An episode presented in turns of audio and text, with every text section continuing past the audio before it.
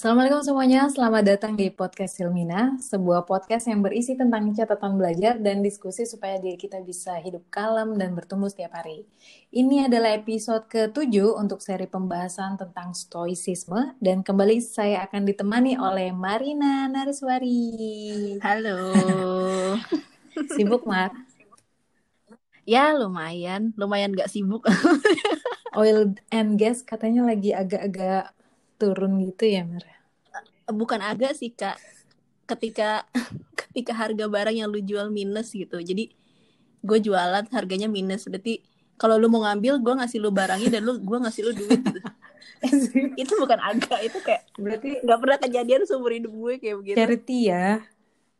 Iya, kayak charity. Jadi ya nggak tahu lah gimana nanti setahun setahun ke depan ya. Semoga sih kondisinya membaik tapi kalaupun enggak ya we need to have backup plan which I'm thinking backup plan gue apa gue belum tahu. Ini kalau kadang gue mikir ini COVID-19 kan imbasnya tuh kayak global gitu ya. Itu kan sesuatu yang nggak bisa kita kontrol nih sekarang. Tapi penyebabnya tuh apa ya? Itu kenapa virusnya bisa bermutasi? Gue masih penasaran Mar. Lu penasaran gak sih Mar? Apa? Kalau yang apa kalau yang gue baca sih sekarang emang virusnya udah ada beberapa strain, beberapa jenis. Gue juga nggak nggak terlalu ngerti sih gimana cara virus itu bermutasi. Mungkin karena karena perlakuan di di mana namanya di hostnya. Jadi kayak misalkan lu sakit terus lu minum antibiotik minumnya nggak sampai habis nanti ada lu ketularan gara-gara virus yang masih ada di lu mungkin aja kan dari dari proses eh, itu tapi kalau virus kagak nyambung sama antibiotik antibiotik itu eh, buat sorry. bakteri bakteri iya hmm. ya sorry sorry sorry Uh, jadi kayak ya mungkin mungkin di proses-proses kayak gitu yang bikin virusnya bermutasi. Tapi kalau Cuman, kalau kata berita hoax itu yang katanya gara-gara makan kelelawar itu emang bener itu kan berarti kan sesuatu yang bisa dikontrol sama seseorang ya. Gue harusnya jangan makan itu itu terlalu eksotik buat gue. Jadi kan. Jadi gue kayak nyalain orang. Enggak, tapi gue gue baca gue baca ini ini gue baca penelitian uh, kalau nggak salah gue baca di National Geographic. Apa? Kalau nggak salah ya. Hmm. jadi memang uh, apa namanya um, ilmuwan ilmuwan um, yang yang bidangnya di apa kehidupan di wildlife kehidupan hewan liar gitu memang um, menurut mereka kemungkinan besar salah satu faktor virus ini berpindah ke manusia adalah karena kita uh, karena manusia itu um, uh, sudah me merambah alam atau melakukan sesuatu yang tidak seharusnya kita lakukan. Eksploitasi, Jadi kayak gitu. Ah, eksploitasi eksploitasi berlebihan hmm. terhadap alam gitu. Jadi yang menyebabkan si virusnya itu yang harusnya ada di hewan di di makhluk-makhluk tertentu aja jadi berpindah ke manusia gitu. I see. Itu itu itu kemungkinan terbesar gitu dan dan satu lagi yang gue baca itu memang virusnya itu bukan virus yang dibikin gitu emang emang virus yang ada di alam gitu. Ya itu kan balik lagi berarti kan itu sesuatu kan eksploitasi berlebihan itu artinya kan ada sesuatu yang harusnya bisa ditahan dan itu kan keputusan pribadi yang harusnya ada dikontrol gitu ya. Mm-hmm. Gue jadi Betul. Uh, balikin ke tema stoik itu ternyata banyak banget ya permasalahan dan akhirnya kita tuh jadi kayak nyalahin kondisi yang kayak gue barusan. Gue sempat kepikiran ini gara-gara ada yang makan sembarangan nih. Simpelnya kayak gitu kan. Terus atau mungkin kalau gue dengar-dengar cerita ada yang tiba-tiba gue kondisi sekarang kesusahan kayak gini tuh gara-gara dia nih gara-gara dia nih gara-gara lingkungan gue gitu. Gue nggak bisa berkembang hmm. tuh karena tetangga gue kayak gini karena teman sekelas gue kayak gini gitu. Lo ada pengalaman kayak gitu juga nggak mar? Uh, nyalahin faktor eksternal ketika gue punya masalah. Right. iya, iya. Oh iya. Gue gue seperti itu. Oh. blamers. Gue seperti itu. Jangan salah. Cuman gue nggak nggak posting di sosial media oh, aja. iya. anda kan seminggu sekali doang ya iya cuma buka seminggu sekali weekend doang. Hmm. jadi um, gue mengakui bahwa gue sebagian besar hidup gue gue rasa ya gue punya victim mindset. Karena uh, apa namanya? Karena mungkin gue terbiasa dengan lingkungan seperti itu jadi ketika gue punya victim mindset gue nggak ngerasa itu hal yang keliru. hal yang negatif hmm. gitu kayak kayak tahun kemarin deh tahun kemarin um, kayak yang gue gue pernah ngomongin di episode yang lalu tahun kemarin itu kan bener-bener tahun yang roller coaster banget buat gue jadi bener-bener up and downnya parah banget um, dan salah satu pengalaman yang gue alamin yang gak gue nggak bakal lupa adalah gue dalam tanda kutip ditolak sama um, seseorang yang menurut gue menarik. Hmm. Menarik ya. Gue sama dia tuh ketemu di dating app. Terus kita ngobrol beberapa bulan sampai akhirnya kami memutuskan untuk ketemu. Nah waktu itu memang uh, gue ada rencana untuk main ke tempatnya dia bukan bukan tempatnya dia as in rumahnya gitu tapi maksudnya main ke negaranya dia karena dia bukan orang Indonesia uh, bukan karena untuk ketemu dia tapi karena emang ada show yang mau gue tonton gitu. Jadi ketika gue mau ke sana gue mikir sekalian aja ketemu gitu. Terus akhirnya um, gue sampai sana. Terus uh, apa namanya hari pertama gue nonton shownya nggak nggak bareng dia. Terus hari kedua gue baru baru ketemu dia. Nah gue tertarik sama dia itu karena tertarik bukan karena dia ganteng ya tapi tertarik karena uh, gue ngerasa gue bisa ngobrol banyak sama dia. Bisa diskusi banyak banget hal dengan level yang berbeda dengan dengan topik yang berbeda tuh gue sama dia nyambung gitu ngobrolnya gitu. Dan satu hal yang bikin gue sama dia nyambung adalah kita berdua tuh tumbuh di lingkungan keluarga yang mirip. Gue hmm. gue sama dia tuh ngerasa kayak orang tua kami cuma ngelihat kami kalau kami punya achievement tertentu oh. bukan bukan karena ngelihat kami sebagai anaknya hmm. gitu dan dan itu tuh dan itu yang bikin gue sama dia sama-sama bisa ngerti jalan pikiran masing-masing tanpa tanpa harus dijelasin hmm. gitu kenapa dia ngomong ini kenapa gue ngomong ini kayak kayak udah ngerti aja hmm. gitu terus kita sama-sama suka uh, stand up komedian yang sama Trevor Noah hmm.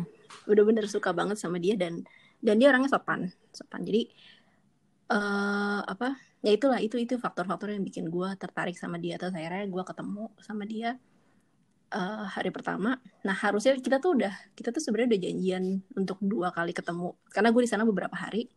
Jadi pertemuan pertama tuh yang kita ketemu hari pertama. Terus harusnya ketemuan yang kedua itu itu tuh malam. Jadi yang pertama tuh ketemuannya pagi yang kedua harusnya ketemuannya malam. Tapi ketika uh, apa namanya ketika gue konfirmasi paginya eh nanti malam gimana? Mau ketemu di mana? atau apa gitu. Terus dia bilang e, kayaknya gue nggak bisa deh. Gue mau ketemu sepupu gue. Terus gue kayak oke okay, I read the signs like oke okay, fine. Gitu. nah terus enggak sih sebenarnya nggak fine sih. Balik dari situ gue sedih juga gitu kan. Ada sesuatu yang kayak kok gini? Eh ya iya begitu ekspektasi gitu. nah nah jadi ketika ketika dia bilang ah, kayak gue nggak bisa deh bla bla bla ya like I read the sign walaupun gue nggak mau tapi gue ngerti maksudnya dia apa terus um, kayak oh ya udah gitu gue terima gue nggak yang kayak kenapa kamu nggak mau ketemu sama aku nggak gitu nggak nggak gitu nggak banget gue alhamdulillah masih bisa mengontrol iya. emosi yeah. nah tapi masalahnya adalah waktu itu uh, rencananya tuh gue mau ngasih sesuatu ke dia dan rencananya tuh baru mau gue kasih tuh malam. Hmm. tapi karena malamnya itu nggak jadi ketemu jadi kan gue mikir dong kayak ini barang udah gue bawa nggak mungkin nggak gue kasih gitu. Terus gue mikir uh, karena besoknya gue balik gue kelu gue keluar dari negaranya dia uh, eh, gue mikir ya udah besok um, gue grab send aja gue bilang gitu kan ke tempatnya dia. Karena gue juga nggak mau maksa dia untuk ketemu gue kan terus uh, out of the blue dia bilang oh nggak usah nanti kita ketemu aja di bandara. Terus ah ketemu di bandara. Oh ya udah serah lu gitu hmm. kan.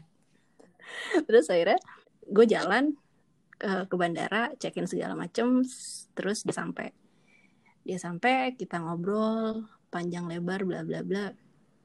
Terus sampai gue nggak tahu gue punya gue punya keberanian dari mana atau kayak gimana tapi di di ketika kita ngobrol gue bilang sama dia uh, kalau dia tuh orang yang menarik.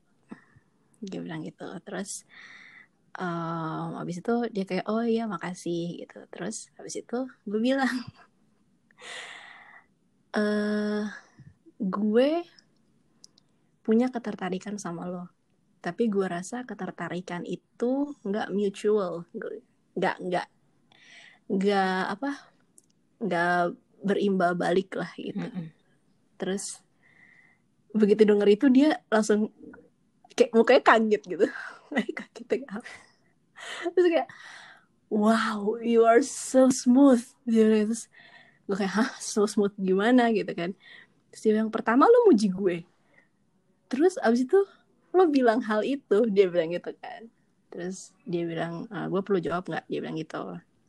Terus gue bilang lo nggak usah jawab juga gue udah tahu lo bakal ngomong apa gitu. Uh, gue cuma mau mengutarakan itu aja gue bilang gitu. Terus dia konfirmasi bahwa dugaan gue bener uh, ketertarikan itu tidak mutual hmm. tidak berimbal balik.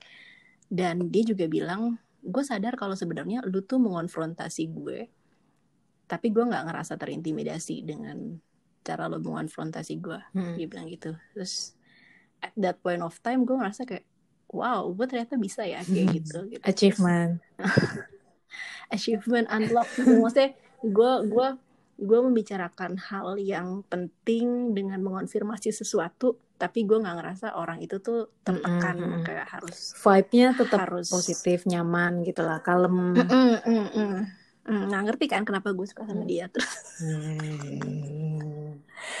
terus kita ngobrol sebentar akhirnya gue harus boarding dan dia pun harus ngerjain sesuatu. Setelah kita misah uh, gue tetap ada mixed feeling. Satu perasaan lega.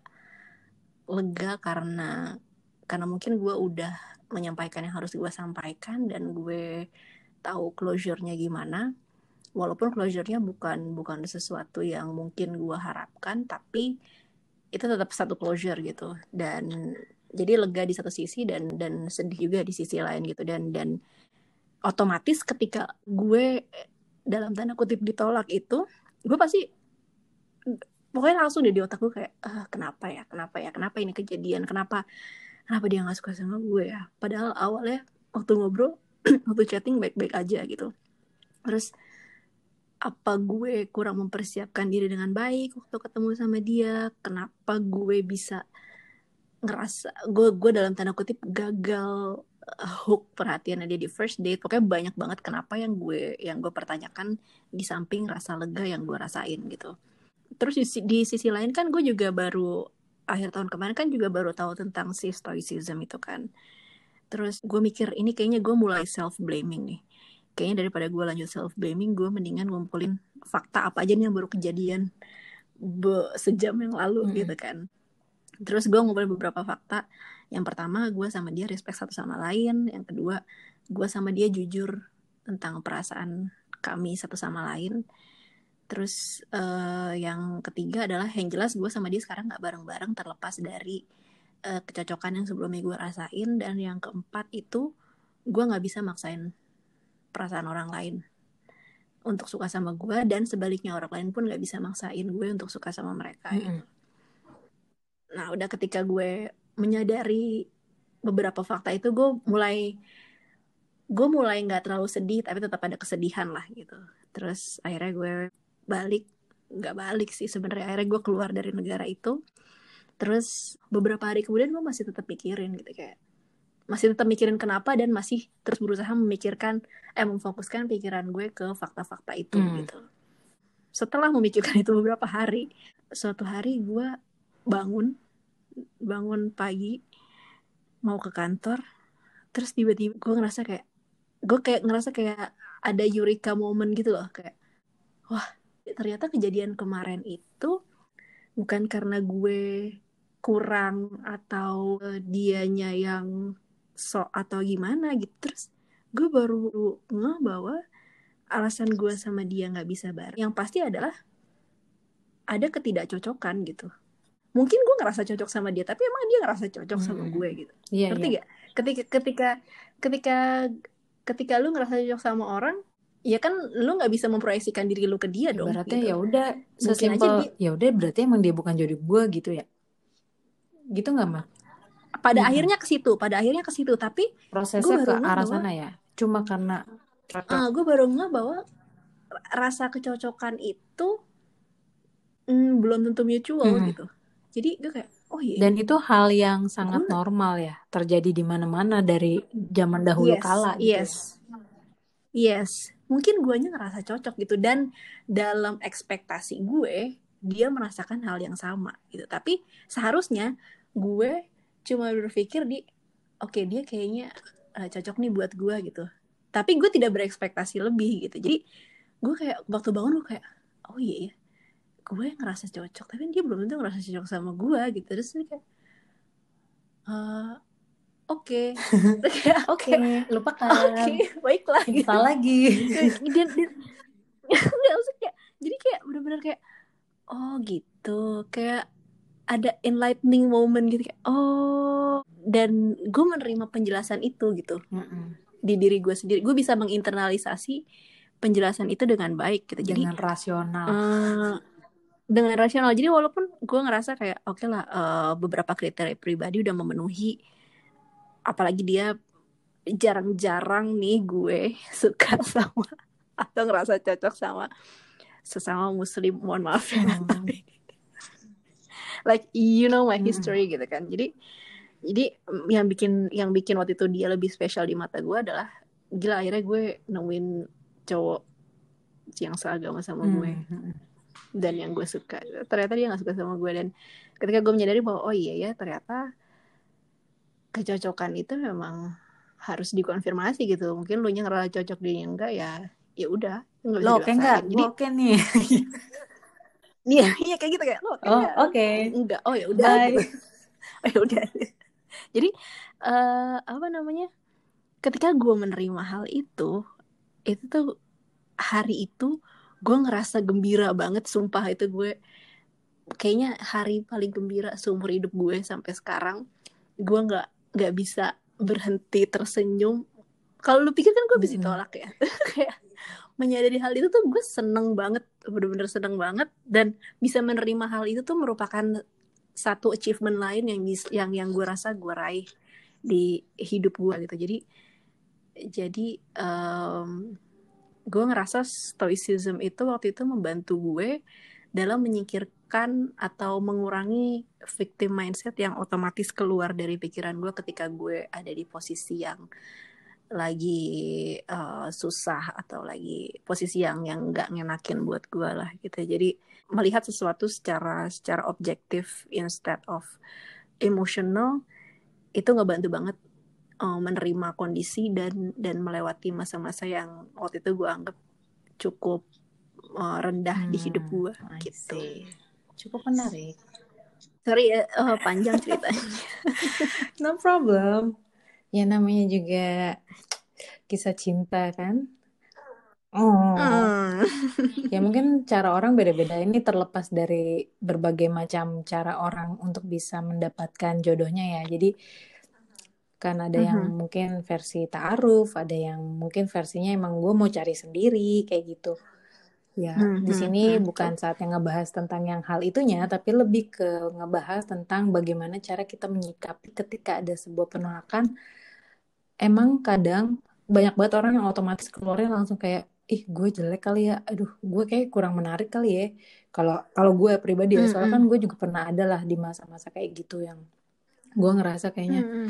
orang lain tuh lebih dari gue dan sehingga gue memperlakukan diri gue tuh kayak ih coba gue kayak gini ya. Coba gue harusnya gue lebih kayak nurut sama dia bla bla bla kan kayak gitu ya. Banyak what if coba kalau coba coba kalau kayak itu terus. Dan itu jadinya kayak Mhm. Justru kayak kita nyari siapa yang bisa kita salahin dan itu itu bahaya banget sih Hmm. di berbagai macam Betul. banyak banget ya teman-teman gue ada yang mungkin gak lanjut nikahnya coba gue nggak sama dia kayak gitu-gitu tuh itu Mhm. gue ih kasihan Mhm. banget ya maksudnya dia harus tetap ngejalanin tapi dengan perasaan seperti itu gitu terbeban terbeban gitu sebetulnya kalau menurut gue sih salah satu caranya ya emang kita harusnya fokus sama apa yang kita bisa kontrol. Jadi do what you can, accept what you can't. Betul nggak emang? Iya, ya kan? Mhm. Jadi Ya, do what you can, ya, accept what you cannot. jadi kita Itu kayak embrace apa takdir yang udah emang ditulisin. Ini ya udah gue embrace aja.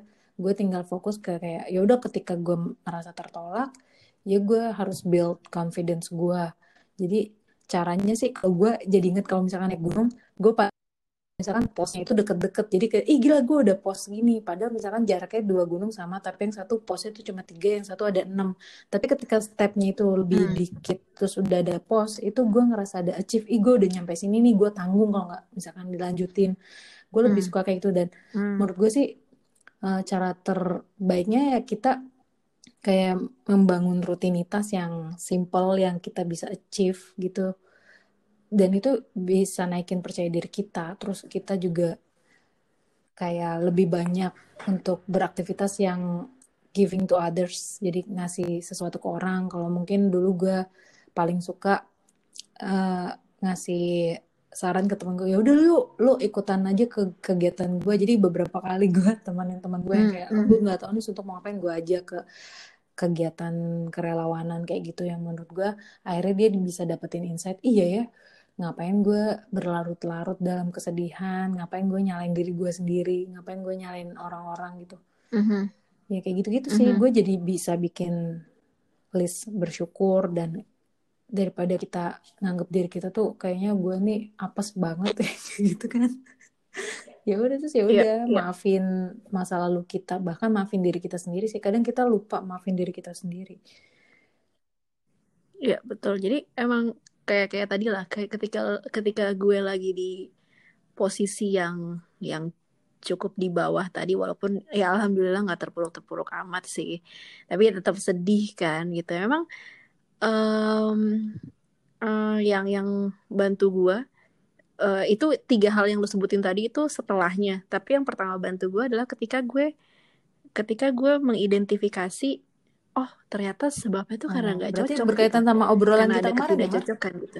Obrolan kita kemarin kan Mm-mm, kita ngasih PR buat diri kita sendiri untuk kayak ketika kita ngerasa sesuatu hal yang kayak mulai di luar kontrol kita terus kita ngerasa emosi negatif itu muncul kita langsung plotting nih gue kenapa sih nih? Gue kenapa yang bikin gue kayak gini? gitu ya. Mm-mm. Apa yang bikin gue ya jadi jadi gue gue bertanya gue gue berusaha bertanya secara objektif ke diri gue apa sih yang yang udah kejadian faktanya apa aja. Terus eh, dari situ emosi gue udah berkurang saya emosi negatif gue udah udah mulai mulai mulai naik lah gitu. Mulai mulai mengarah ke positif. Ketika gue mengidentifikasi hal-hal yang yang tadi yang gue sama dia nggak bareng gue sama dia sama-sama jujur dan masih respect satu sama lain. Terus eh, dari situ gue mulai tetap nyari jawabannya gitu sampai akhirnya ketemu oke gue sama dia nggak bisa bareng. Ya mungkin karena gue ngerasa cocok sama dia tapi dia ada yang ngerasa nggak cocok di diri gue sesuatu gue nggak tahu dan gue nggak menanyakan itu dan gue nggak ngerasa gue perlu tahu juga gitu. Karena pada faktanya ya udah nggak nggak resiprokal gitu perasaannya gitu. Jadi eh, ketika gue dapet closure itu itu sangat sangat membantu. Walaupun closure-nya gue keluar dari diri gue sendiri ya Mm-mm. itu itu sangat membantu gitu buat gue kayak mengakhiri satu fase di hidup gue Mm. gitu itu yang pertama terus yang kedua sebenarnya kan dengan dengan gue ngomong sama dia itu ngomong-ngomong tentang perasaan gue ke dia itu kan ada Iya. resikonya kan Eh, resiko yang pertama adalah resiko positif dia punya perasaan yang sama atau resiko kedua resiko Mm. negatif dia punya perasaan yang nggak sama sama gue nah em, eh, kesiapan diri gue untuk menerima apa pun em, respon dia. Itu juga membantu Hmm, waktu itu. jadi sebelum jadi ketemu lu udah bikin gue gue worst case-nya? Udah bikin worst case-nya gitu. Eh, itu bener-bener mempersiapkan mental Hmm. gue gitu. Dan ketika dia ngomong bahwa itu nggak resiprokal kayak oh oke yang terburuk Hmm. terjadi. Dan gue menerima kenyataan itu terjadi. Jadi jadi gue take ownership terhadap terhadap hasil apa pun yang keluar dari perbuatan gue gitu. Jadi ya karena tadi gue tahu ada resikonya ada dua positif sama negatif even resiko negatifnya pun gue gue ngerasa gue udah siap untuk menerima dan ketika itu terjadi udah gitu. Gue tidak menyesali gue eh, gue menyampaikan perasaan gue ke dia gitu.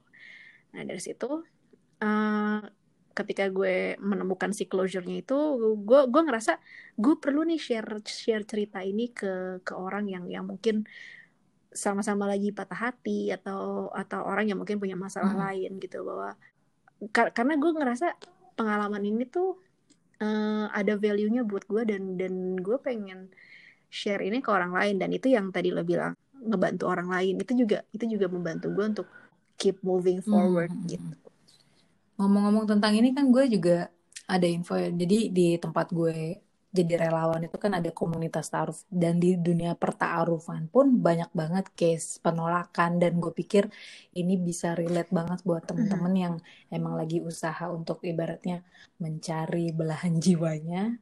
Pengen mm -mm, dan kadang ya emang bikin down banget dan bikin ngerasa kayak ih gue ih pokoknya itu bikin toxic banget buat diri sendiri deh. Kalau misalkan kita nggak bisa mhm, handle mm -hmm. Perasaan itu.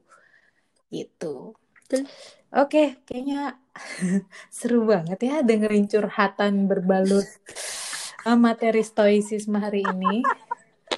Ih, semoga ya semoga semoga kita kita bisa bisa gue ngerasa sih perlu banget mengeliminasi victim mindset hmm, dari dari kehidupan kita gitu. Karena karena tanpa tanpa kita drama ke diri kita sendiri pun kondisi di luar udah chaos gitu kayak lu ngeliat kan mm -hmm. sekarang pandemik um, efeknya kayak gimana ke ke banyak orang gitu jadi dengan mereduksi satu hal negatif dari kebiasaan kita seenggaknya lu sama gue tahu lu sama gue punya mm -hmm. victim mindset lah gitu seenggaknya dengan dengan dengan mencoba mengurangi kebiasaan satu hmm. faktor negatif yang ada di kebiasaan negatif yang ada di diri kita ya hopefully kita justru jadi orang yang yang lebih baik buat diri kita sendiri dan dan lebih helpful ke orang. Itu kayak bukunya James Clear nggak sih Mar yang Atomic Habit kapan-kapan kita obrolin nih Mar? Nah. Boleh boleh boleh. Nah itu hmm. nyambungnya ke situ. Ada perubahan setelah setelah setelah setelah si moment of enlightenment. Oke okay, itu for next episode kayaknya untuk kita sekalian memasukkan okay, menggabungkan antara stoik dengan bukunya James Clear. Oke. Okay. Boleh, boleh. Oke, di Taiwan sekarang sudah jam 11 malam dan saya harus tidur supaya tidak kesiangan untuk sahur. Oke, okay, sorry loh kemalaman. Itu dia ya bahasan di episode kali ini seputar mindset korban. tadi kita ya, victim mindset. Tadi kita udah bahas bentukannya kayak gimana dan sedikit tips dari ceritanya Marina ini waktu dia ngadepin sesuatu hal yang menurut dia tuh ada di titik terendahnya dan mungkin teman-teman juga lagi alamin. Semoga bisa bermanfaat buat kalian. Jangan lupa kalau suka pembahasan ini di klik tombol like dan kasih juga ke orang yang mungkin butuh denger obrolan kita kita ini nih. Jangan lupa juga buat subscribe buat ngedukung channel ini. Sampai ketemu di episode selanjutnya. Assalamualaikum.